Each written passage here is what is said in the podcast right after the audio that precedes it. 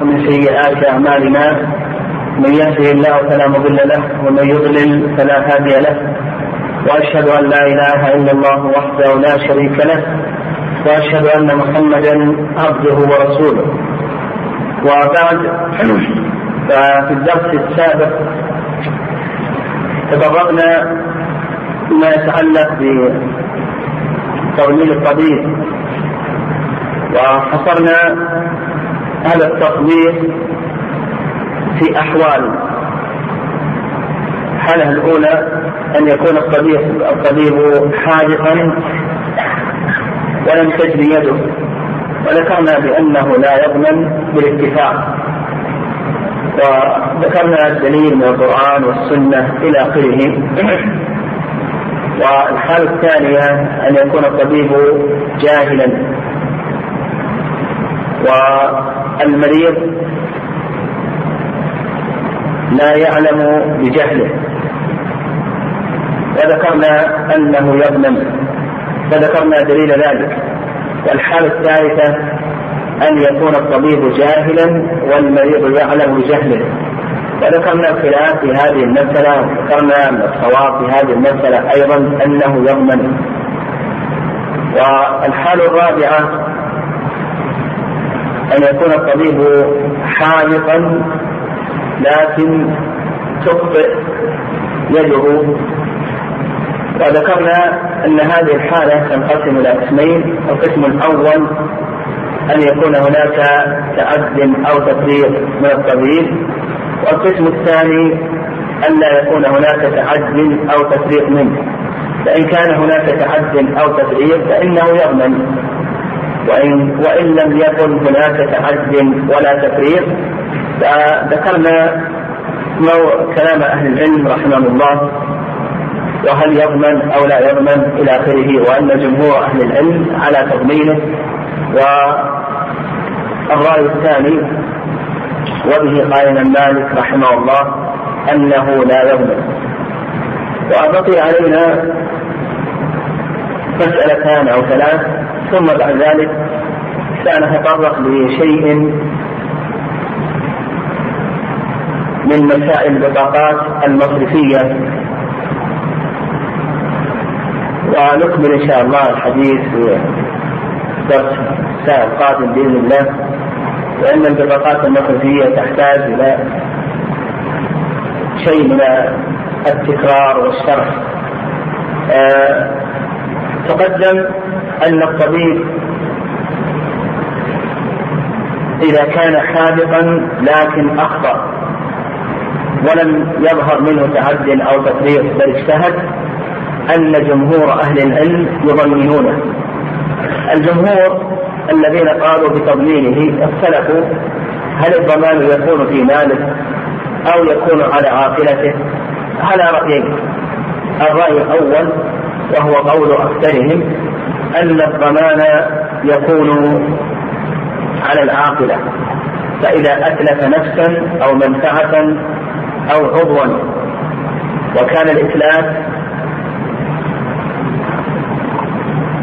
الثلث كما فوق فإن الضمان يكون على العاقلة. وذكرنا بأن هذا هو قول جمهور أهل العلم رحمهم الله تعالى. ودليل ذلك ما تقدم من حديث عبد الله بن عمرو أن النبي صلى الله عليه وسلم قال من من تطبب ولم يعلم منه طب فهو ضامن. آه وضمان الطبيب هنا في حال عدم التعدي أو التفريط من قبيل الخطأ.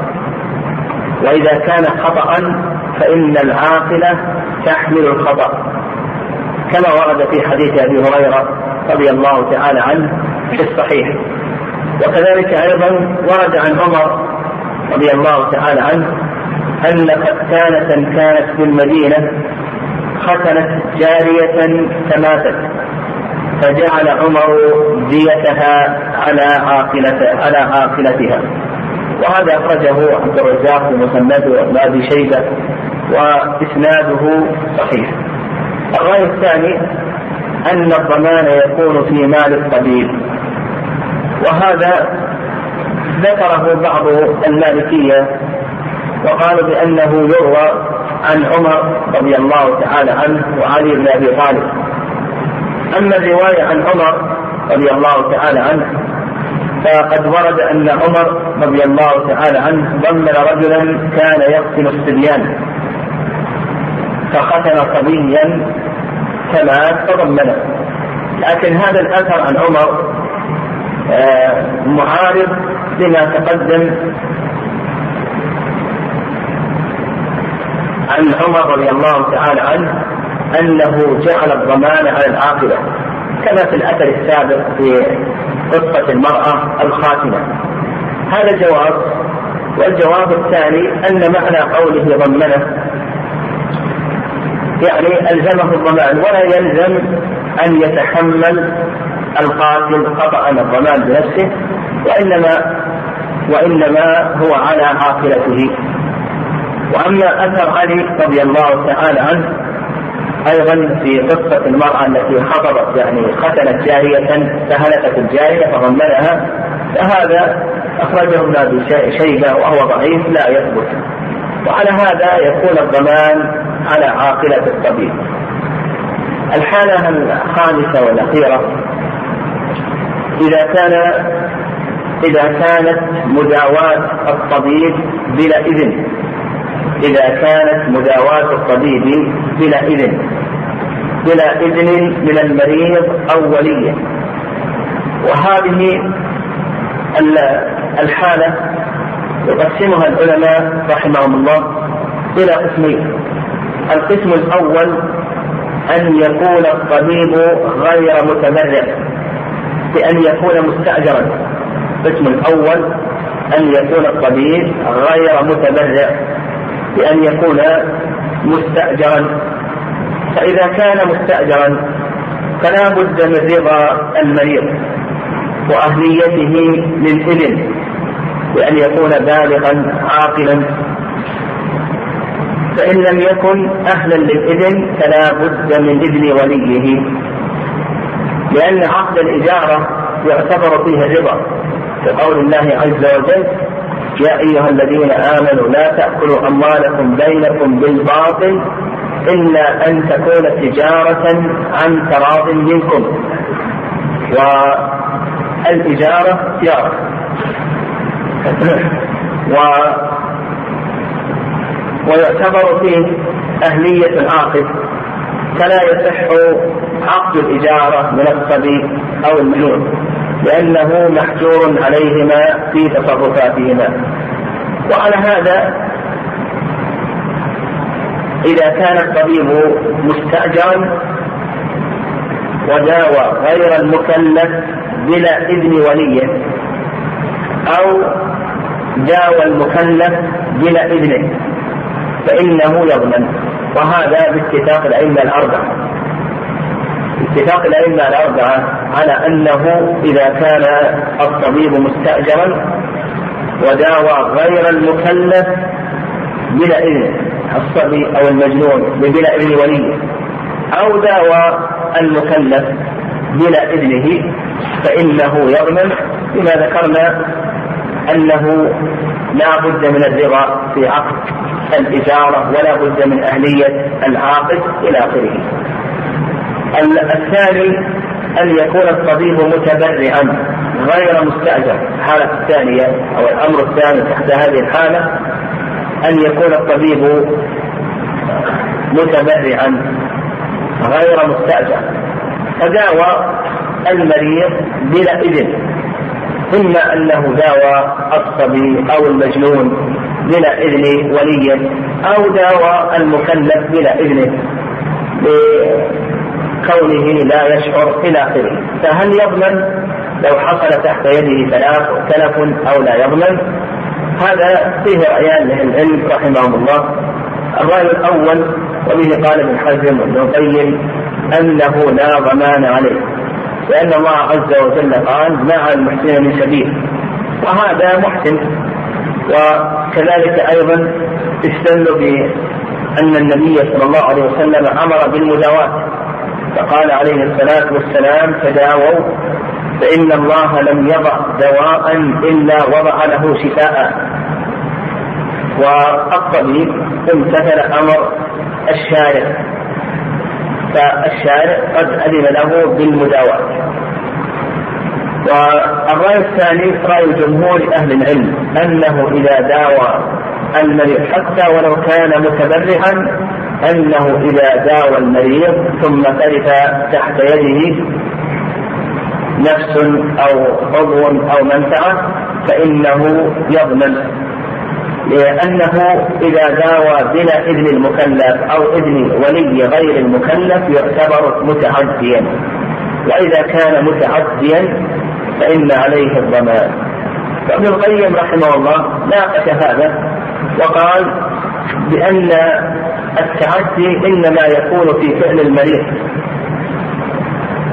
يعني فعل المريض في نفس المداواة هل هو فيه تعدي أو ليس فيه تعدي؟ أما الإذن وعدم الإذن فلا يظهر فيه التعدي.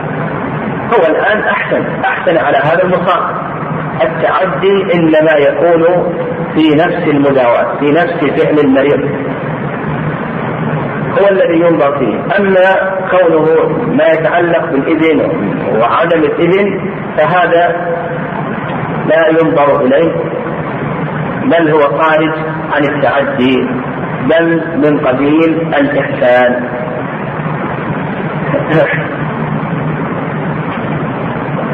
وهذا القول هو الأقرب. يعني هذا القول هو الأقرب. يعني ما ذهب إليه ابن القيم رحمه الله تعالى. كذلك أيضا هو رأي ابن حزم لأنه محسن في هذه الحالة. آه، استثنى العلماء من اشتراط إذن المريض. لأنه على رأي الجمهور لا بد من إذن المكلف بالمداواة. فإن لم يكن مكلفا لا بد من إذن وليه. استثنوا من هذا الشرط مسألتين. المسألة الأولى إذا تعذر استئذان المريض أو تعذر استئذان وليه وفي تأخير المداواة ضرر على المريض. قالوا إذا تعذر استئذان المريض أو تعذر استئذان وليه إذا كان غير مكلف وفي تأخير المداواة والعلاج فيه ضرر. قالوا لا يعتبر الإذن في هذه الحالة لأن الشرع أمر بذلك فقال سبحانه وتعاونوا على البر والتقوى وقال سبحانه ولا تقتلوا أنفسكم إن الله كان بكم رحيما وكذلك أيضا قال النبي صلى الله عليه وسلم انصر أخاك ظالما أو مظلوما فإذا كان هذا المكلف يتعذر استئذانه لكونه مغمى عليه ويطول الإغماء أو ويسبب تأخير المداواة ضرر عليه فإنه يعالج كذلك أيضا إذا كان ولي غير المكلف بعيدا وانتظار إذنه هذا يسبب ضرر على هذا المصاب فإنه يعالج ويسقط الإذن في هذه الحالة. المسألة الثانية استثناها جمهور أهل العلم. قالوا إذا كان المرض من الأمراض المتعدية فإنه لا يعتبر في الإذن لم يداوى المريض وإن لم يأذن إذا كان مكلفا أو يأذن وليه إذا كان غير مكلف لأن الله عز وجل قال ولا تلقوا بأيديكم إلى التهلكة وأيضا من القواعد الفقهية لا ضرر ولا ضرار قاعدة الضرر يزال عندنا في بقية الوقت آه، شيء من مباحث البطاقات المصرفية.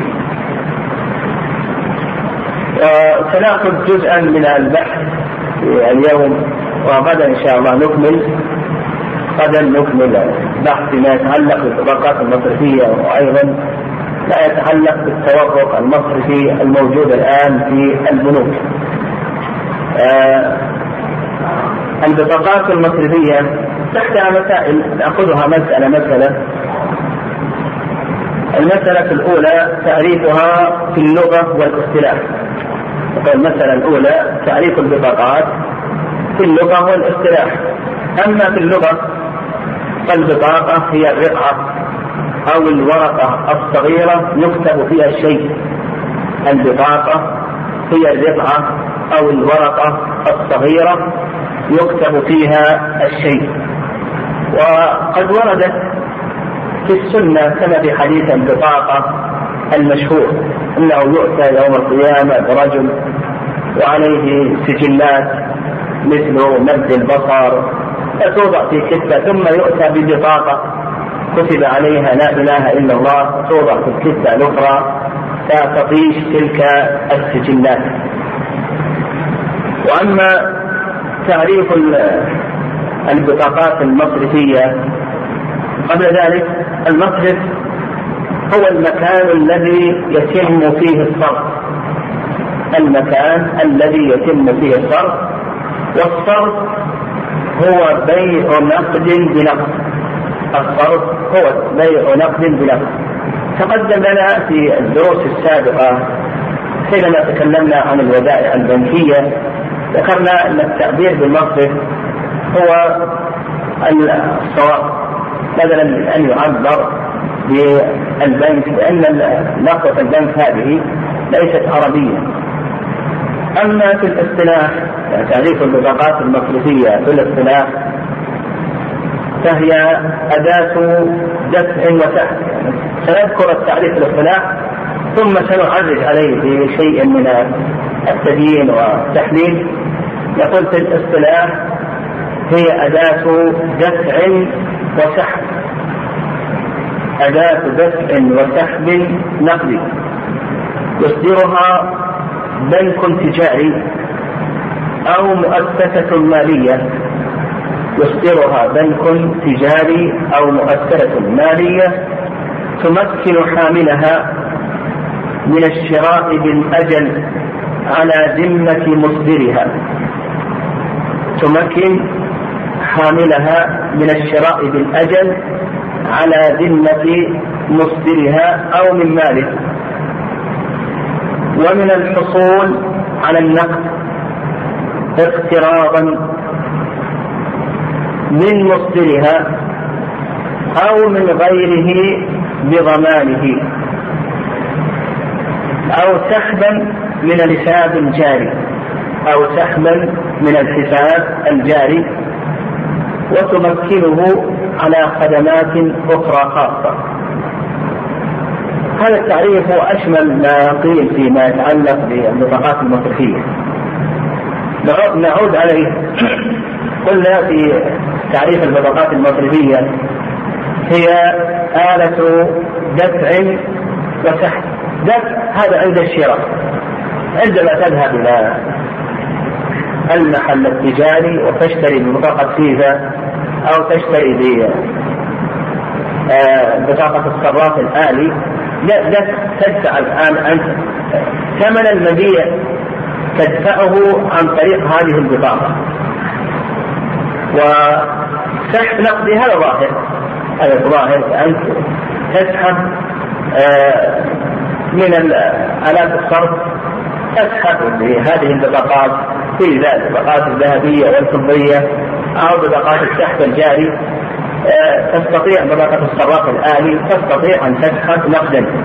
فهي بطاقة دفع عندما تقوم بالشراء أو عندما آه، حتى غير الشراء فيما يتعلق بالخدمات الأخرى كما إذا استأجرت محلا في فندق من الفنادق إلى آخره. فإنك تستطيع أنك تدفع ثمن الإجارة تدفع ثمن الأجرة إلى آخره عن طريق هذه البطاقة. وسحب نقدي هذا ظاهر يصدرها بنك تجاري أو مؤسسة مالية تمكن حاملها من الشراء بالأجل على ذمة مصدرها. على ذمة مصدرها مصدرها هو البنك التجاري. فيتمكن هذه البطاقة تمكن حاملها وهو العميل الذي أخذها من البنك أن يشتري بالأجل. يعني أن العميل إما أن يكون حسابه يغطي فهذا يسحب من الحساب. إذا لم يكن حسابه يغطي فإن البنك يقرضه فهو يشتري الآن بالأجل والذي يقوم بإقراضه هو نفس مصدر هذه البطاقة البنك. آه، أو من ماله هذا فيما يتعلق بالحساب الجاري. يعني إذا كان عنده في رصيده فهذا من ماله. يسحب من ماله. أنت تذهب ببطاقة الصراف الآلي تسحب من ماله. لكن إذا كان الرصيد ليس فيه شيء ومعك بطاقة فيزا استطعت أنك تسحب؟ والبنك آه، يسدد عنك ويكون هذا آه، آه، عن طريق الإقرار بالأجل. على ذمة بالأجل على ذمة مصدرها. ومن الحصول على النقد اقترابا من مصدرها أو من غيره. يعني تستطيع أن تأخذ بهذه البطاقة تقترب بهذه البطاقة من البنك الذي أصدرها لك. مثلا الراجحي أصدر لك هذه البطاقة تستطيع بطاقة فيزا أنك تقترب منه. ويحدد لك مثلا يقول لك مثلا البطاقة الفضية لكن تقترب إلى 8000 ريال. البطاقة الذهبية لكن تقترب إلى كذا وكذا إلى آخره. فإذا كان إذا أخذت من مصدر آه تستطيع أن تقترب من مصدرها أو تأخذ يعني الراجح يختار لك هذه البطاقة تستطيع بهذه البطاقة أيضا تسحب نقدا من بنك آخر. فالراجح يضمنك عند البنك الآخر. لما أصدر لك هذه البطاقة فالراجح يضمن لك عند البنك الآخر آه أنه يسدد عنك. يسدد عنك هذا القرض الذي أخذته من البنك الآخر.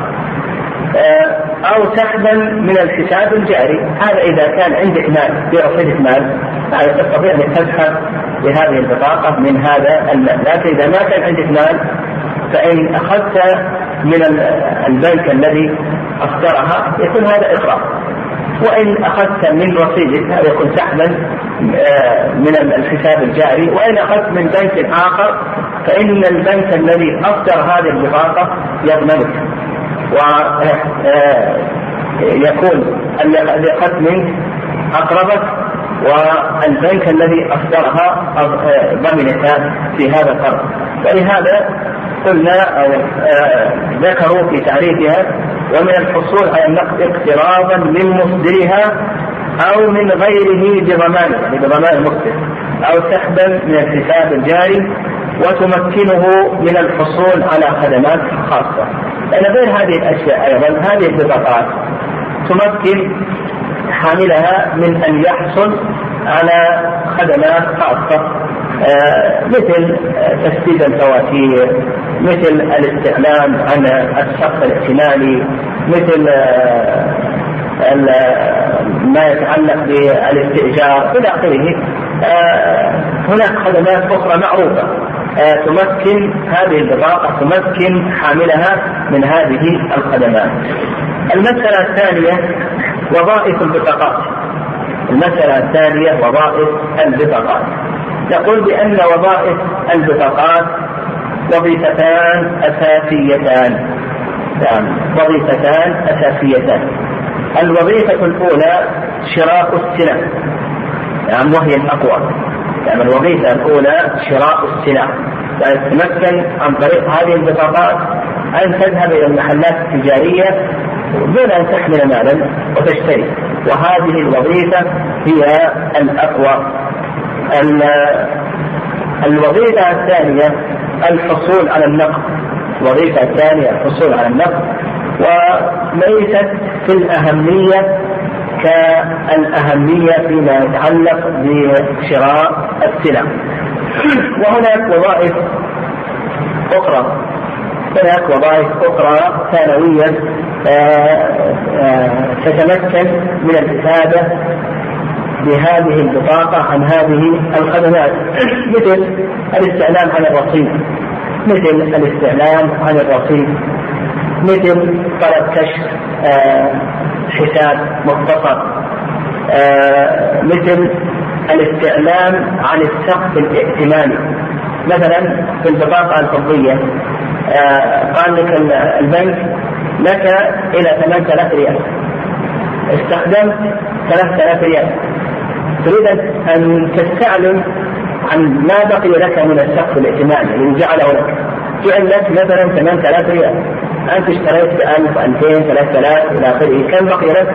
تستطيع عن طريق البطاقة أن آه، تستعلم عن السقف الائتماني يعني ما بقي لك ما بقي لك مما آه، أذن فيه البنك. ومن ذلك أيضا من الخدمات أيضا تسديد الفواتير إلى آخره. لكن كما أشرنا أن أهم شيء أهم هذه الخدمات أو الوظائف هي ما يتعلق بشراء السلع وكذلك أيضا الخدمات الأخرى إلى آخره كالاستئجار في آه، البنوك آه، التي الفنادق إلى آخره. آه، المسألة الثالثة أطراف البطاقة. المسألة الثالثة أطراف البطاقة. البطاقة لها أطراف متعددة. أولا المصدر والحامل. المصدر والحامل. وتكون العلاقة بينهما فقط في حالة السحب النقدي. نقول أولا المصدر والحامل. المصدر الذي هو البنك. والحامل هو العميل لدى هذا البنك. تكون العلاقة بين المصدر والحامل في حالة السحب في حالة السحب النقدي سواء كان ذلك بالبطاقة الائتمانية أو ببطاقة الصراف الآلي فمعك البطاقة الائتمانية تستطيع أنك آه، تسحب من رصيدك أو آه، معك بطاقة الصراف الآلي تستطيع أن تسحب من رصيدك إلى آخره. ثانيا ثانيا المصدر والحامل والقابل نعم ثانيا المصدر والحامل والقابل وهذا يكون في حالة شراء السلع والخدمات. في حالة شراء السلع والخدمات فتكون العلاقة بين المصدر الذي هو البنك والقابل الذي هو التاجر والحامل الذي هو العميل المستفيد الذي يحمل هذه البطاقة. المسألة الرابعة أنواع البطاقات المصرفية. المسألة الرابعة أنواع البطاقات المصرفية. النوع الأول البطاقات الائتمانية. النوع الأول البطاقات الائتمانية. والائتمان هو قدرة الشخص على الحصول على حاجاته قبل دفع الثمن بناء على الثقة بوفائه في الدفع. بنتيجة نقول الائتمان هو قدرة الشخص على الحصول على حاجاته قبل دفع الثمن بناء على الثقة بوفائه في الدفع. والبطاقات الائتمانية هذه آه، يقسمونها إلى قسمين. البطاقات الائتمانية هذه يقسمونها إلى قسمين. القسم الأول بطاقات الائتمان المحدود. والقسم الأول بطاقات الائتمان المحدود. يعني محدود بأجل معين. ويتم سداد الدين دفعة واحدة. فمثلا من طريق البطاقة بطاقة فيزا تستطيع إنك تقترض مثلا حسب ما يضعه لك البنك حسب البطاقات وأنواع البطاقات هناك بطاقات ذهبية وهناك بطاقات فضية إلى آخره. فمثلا في البطاقة الذهبية كذا وكذا. في البطاقة الفضية كذا وكذا. آه، التسديد هذا البنك جعل لك فترة فترة تدريسيه البنك جعل لك فترة تدريسيه وهذه الفترة قدرها أربعون يوما. تسدد يعني يمهلك إذا سحبت منه سواء عن طريق آه، السحب النقدي أو عن طريق الشراء يجعل لك فترة قدرها أربعون يوما. فيمكنك أو يؤجل عليك السداد إلى هذه الفترة. ثم بعد ذلك بعد الفترة إذا كان بنك آه، غير إسلامي بعد مضي الأربعين يوما تقوم كما سياتي المنظمه العالمية منظمة فيزا تقوم بالسداد. ان تقوم بالسداد وحساب الفوائد الربوية. والبنك إذا كان غير تجاري فإنه يشترط على العميل أن يسدد قبل مضي هذه الفترة. فإذا لم يسدد فإنه تحسب عليه فوائد ربوية. هذا النوع الأول من أنواع البطاقات أن تكون بطاقات الائتمان المحدود يعني باجل معين فيتم سداد دين دفعة واحدة. النوع الثاني بطاقات الائتمان المفتوح وهذه يكون الأجل فيها مفتوحا ويتم سداد الدين على شكل أقساط هذه يكون الأجل فيها مفتوحا ويتم سداد الدين على اقساط وهذه حسب علمي أنه لا يعمل بها الآن. عندنا الآن لا يعمل بها لكن يعمل بالقسم الأول وهو أن يكون الأجل محدود لمدة أربعين يوما. فإذا لم تسدد فإن البنك إذا كان غير إسلامي يشترط عليك عند الدخول في هذه البطاقة.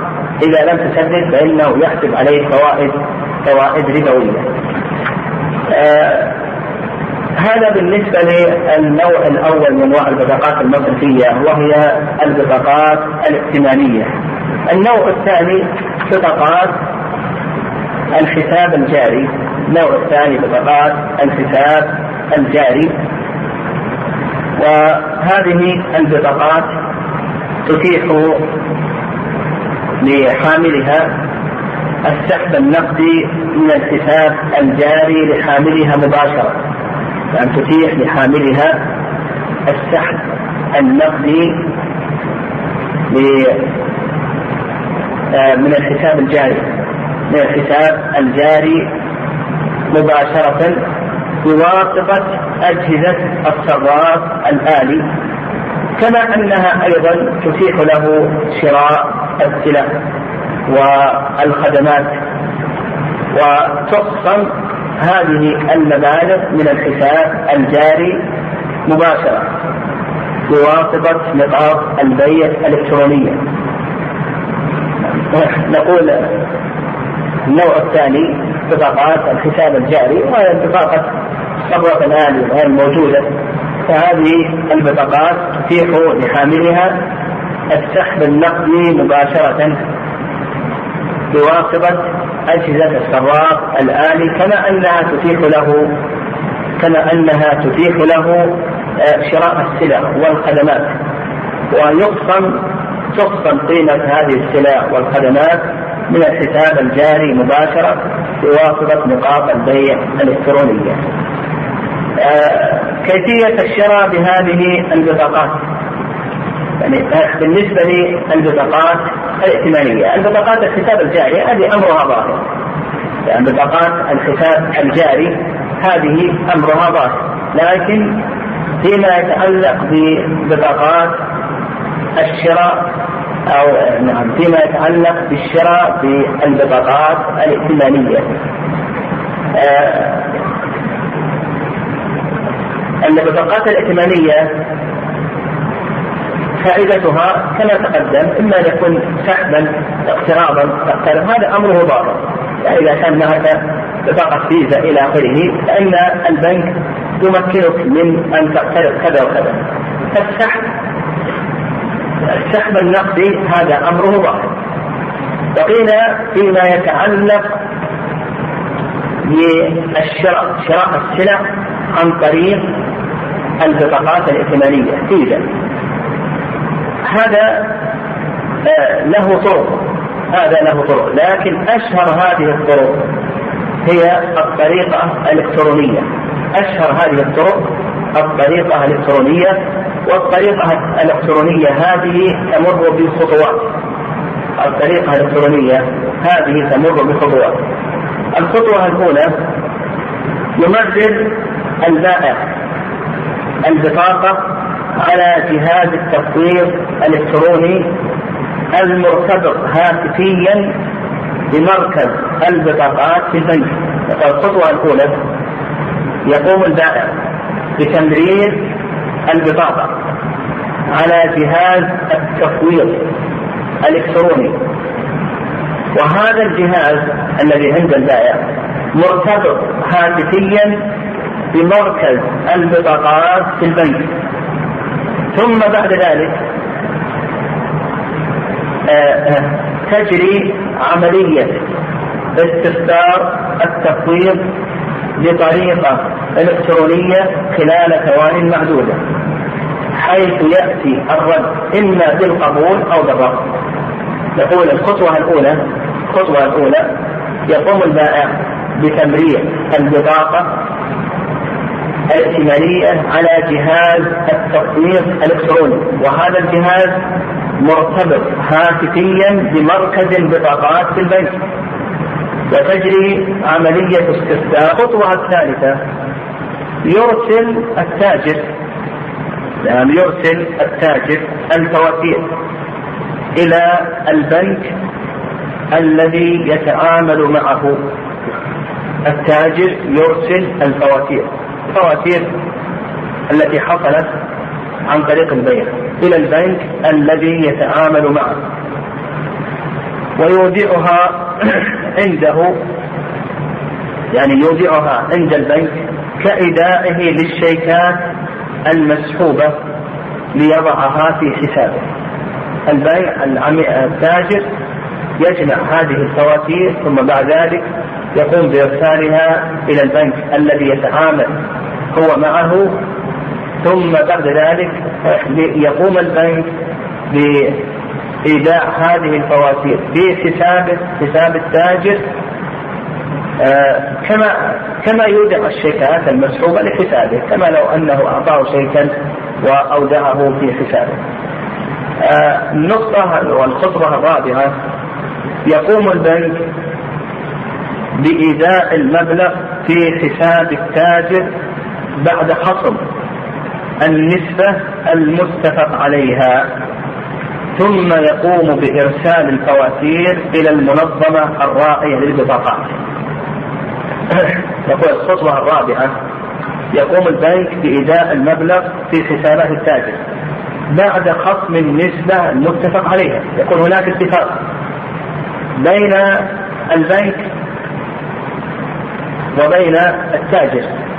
البنك الذي أصدر البطاقة يستفيد. كما سنذكر ما هي فوائد البنوك من إصدار لهذه البطاقات فالبنك يستفيد أنه يتفق مع التاجر مع المحلات التجارية أنه آه إذا حصل شراء فله نسبة كذا وكذا. مثلا الراجحي إذا أصدر هذه البطاقة ثم بعد ذلك اشتريت بهذه البطاقة فإن الراجحي يحسب على التاجر نسبة وهذه النسبة متفق عليها بين الراجحي وبين التاجر. تتراوح ما بين واحد بالمئة إلى سبعة بالمئة. يعني هنا الآن استفاد. الراجحي استفاد هذه النسبة. كذلك أيضا الراجحي يأخذ نسبة أخرى من المنظمة العالمية الراعية لهذه البطاقات منظمة فيزا فهو كما أنه يأخذ نسبة من التاجر أيضا يأخذ نسبة من منظمة فيزا فهو الآن استفاد استفاد النسبة التي يتفق مع الراج مع التاجر وأيضا استفاد آه، آه، ما يأخذه من ما يتفق مع المنظمة الراعية وهي منظمة فيزا وسيأتينا إن شاء الله ما هي أيضا فوائد منظمة فيزا من هذه العملية مع أنها تبذل للبنوك التي تحتها يعني كل البنوك التي تكون تحتها تبذل لهم نسب. وهي أيضا تستفيد آه، كما سيأتي إن شاء الله بيانا. المهم في الخطوة الرابعة يقوم البنك بإيداء المبلغ في حساب التاجر بعد خصم النسبة المتفق عليها ثم يقوم بإرسال فواتير المنظمة الراعية البطاقة لأنه كما ذكرنا هو يستفيد أيضا. فالبنك يستفيد من التاجر ويستفيد أيضا من المنظمة العالمية الراعية لهذه البطاقات فيقوم بإرسال الفواتير إليها. الخطوة الخامسة الخطوة الخامسة تقوم المنظمة بتحويل المبلغ من حساب البنك المصدر للبطاقة إلى حساب بنك التاجر بعد خصم النسبة المستحقة لمصدر البطاقة. آه، إذا كان الرصيد لا يغطي إذا كان رصيد العميل الذي اشترى يغطي فإنه البنك المصدر للبطاقة آه، يقوم بأخذ هذا قيمة الشراء الذي التي حصلت ويودعها في بنك التاجر إذا كان رصيد العميل يغطي. إذا مرت الفترة آه، المحددة وهي أربعون يوما أربعون يوما مرت الفترة المحددة وهي أربعون يوما و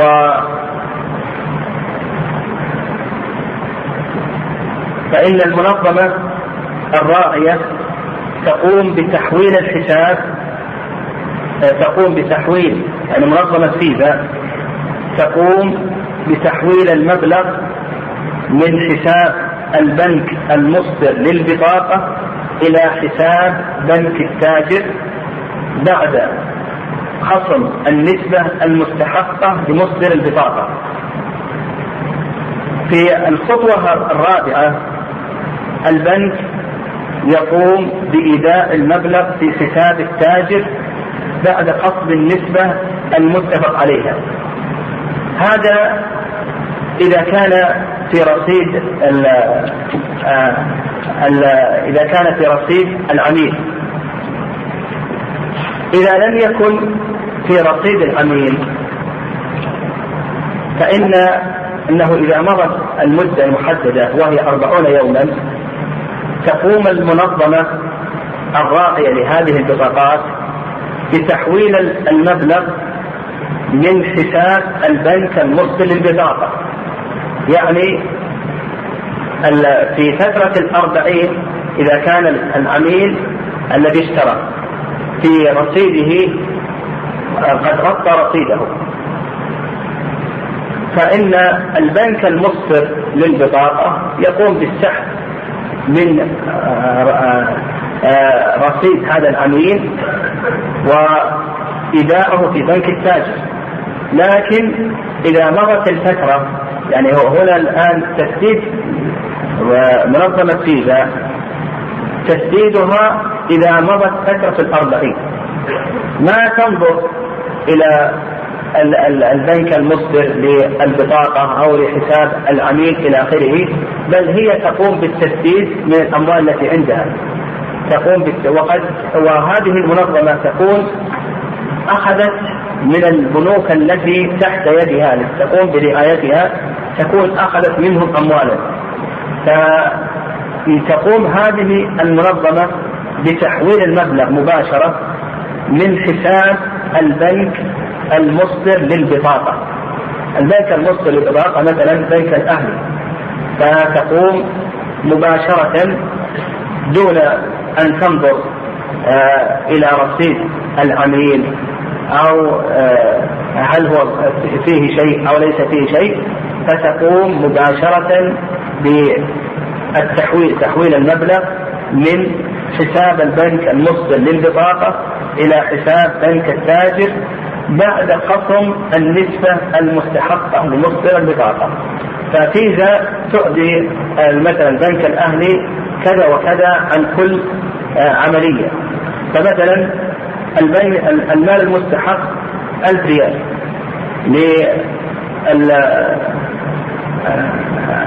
البنك الذي أصدر البطاقة 2% 2% تساوي 25 ريال. فتقسم 25 ريال وهذه تكون للبنك المصدر للبطاقة وتقوم بتحويل المبلغ من حساب البنك المصدر للبطاقة إلى حساب آه، آه، بنك التاجر بقدر 975 وأما 25 ريال فهذه تكون لمصدر البطاقة. فالخطوه الخامسة هذه تصرف المنظمة منظمه فيزا هذه بعد مضي المدة المحددة، بعد مضي المدة المحددة إذا آه، لم آه، يكن هناك تسديد من قبل العميل العميل بحيث أن حسابه لا يغطي فإنها تقوم آه، المنظمة هذه بتحويل آه، المبلغ من حساب البنك المصدر للبطاقة إلى حساب بنك آه، التاجر. إلى حساب بنك التاجر. البنك المصدر للبطاقه إذا لم يسدد التاجر إذا لم يسدد العميل فإنها تحسب عليه فوائد ربوية. هذا إذا كان البنك غير إسلامي. تحسب عليه فوائد ربوية. هذه الفوائد الربوية تستفيد منها بطاقة آه، منظمة فيزا العالمية. آه، اشهر نعم، أشهر الشبكات آه، التي ترعى مثل هذه البطاقات شبكة فيزا نت التابعه لمنظمة فيزا وهي أكبر شبكة كمبيوتر حيث يتعامل معها تسعة آه، تسعة عشر ألف مصرف ويستخدمها أكثر من 423 مليون شخص عبر 12 مليون موقع يقبل بطاقة فيزا آه، إلى بالإضافة إلى ربع مليون نافذة صرف نقدي مباشر. نقول أشهر الشبكات شبكة فيزا نت التابعة لمنظمة فيزا وهي أكبر شبكة كمبيوتر حيث يتعامل معها تسعة عشر ألف مصرف ويستخدمها أكثر من 423 مليون شخص. عبر 12 عبر 12 ألف 12 آه، مليون موقع يقبل بطاقة فيزا. إضافة إلى مليون نافذة صرف مبا... صرف نقدي مباشر. آه المسألة الأخيرة في هذا اليوم المنافع البطاقات، ما هي منافع البطاقات؟ أولا منافع البنوك. نعم منافع البنوك. هذه البطاقات تعتبر مصدر من مصادر ربح البنك لأن البنك يتقاضى أجورا لإصدارها وأجورا لتسديدها ويأخذ أيضا نسبة من المنظمة من المنظمة الراعية لهذه البطاقات كما تقدم. منظمة سيزا يأخذ منها نسبة. وكذلك أيضا يأخذ نسبة من التاجر كما تقدم. يعني كل عملية هذا البنك المصدر لهذه البطاقة كل عملية تتم عملية بيع إلى آخره فإنه يقسم على التاجر كذا وكذا. فالبنك استفاد عدة أمور. الأجور التي تتعلق بالإصدار بالتجديد النسبة التي يأخذها من المنظمة الراعية للبطاقة كذلك أيضا النسبة من التاجر كما أن البطاقات أيضا فائدة أخرى تعطي البنك سمعة لدى عملائه لتوفير هذه الخدمة. أيضا سمعة تعطيها تعطيه سمعة آه، لتوفير هذه الخدمة لدى عملائه كما أنه أيضا في غير البنوك الإسلامية يأخذ البنك فوائد ربوية. يعني يأخذ البنك إذا لم يسدد خلال الفترة المحددة فإنه يأخذ فوائد ربوية إلى آخره. وكما أسلفنا أن المنظمة العالمية فيزا تستفيد أيضا من هذه الفوائد الربوية. اما قابل البطاقة وهو التاجر. مقابل البطاقة فهو التاجر. فهذه تعتبر من أهم الأمور التي تزيد على زبائنه وتزيد مبيعاته. وقد دلت الدراسات الاقتصادية على أن المشتري بالبطاقة ينفق أكثر ممن يشتري بالدفع نقدا. الذي يشتري عن طريق البطاقة هذا يدفع أكثر ممن يشتري عن طريق النقد. بواقع 18% بواقع 18% لأن الشراء بالأجل أهون على نفس المشتري من الشراء الفوري. وأما بالنسبة لفائدتها لحامل البطاقة لحاملها فهذه أيضا فائدتها أمنية معنوية. وهو بدلا من أن يحمل النقود في جيبه آه، آه، يستطيع عن طريق هذه البطاقة أن يشتري ما يحتاج. كذلك أيضا يستفيد القدرة على الشراء بالأجل.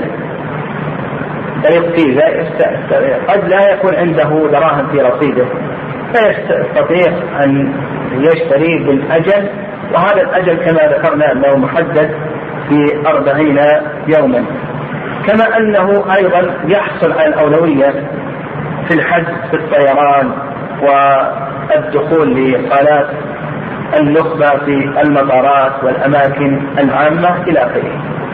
وأما بالنسبة لفائدتها فيما يتعلق بالمنظمة العالمية الراعية التي تكون تحت هذه البنوك كمنظمة فيزا فإن فائدتها من الفوائد الربوية. يعني هذه المنظمة هذا العميل إذا لم يسدد خلال الفترة المضروبة له فإن البنك يحسب عليه إذا كان البنك غير تجاري غير إسلامي يحسب عليه فوائد ربوية. هذه المنظمة العالمية آه، تقوم بالاستفادة عن بالاستفادة من هذه الفوائد الربوية.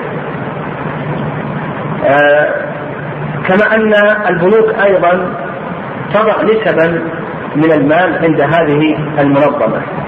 هذه المنظمة العالمية تأخذ من الملوك البنوك نسبا من المال. فتكون هذه النسب عند هذه المنظمة تستفيد منها تستفيد منها هذه المنظمة. ولهذا البنك الإسلامي لكي يتجنب آه، ما يتعلق بالفوائد الربوية.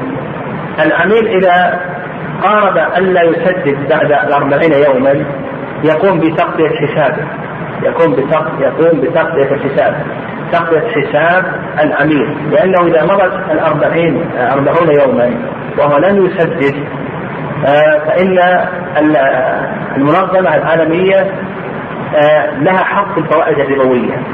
فلكي لا يحسب عليها البنك إذا كان إسلاميا لا يحسب عليه فوائد ربوية آه، يقوم بتقضية حسابه أما إذا كان البنك غير إسلامي فإنه يحسب عليه هذه الفوائد الربوية ولا يقوم بتقضية حسابه وتستفيد هذه المنظمة العالمية. الله غدا نكمل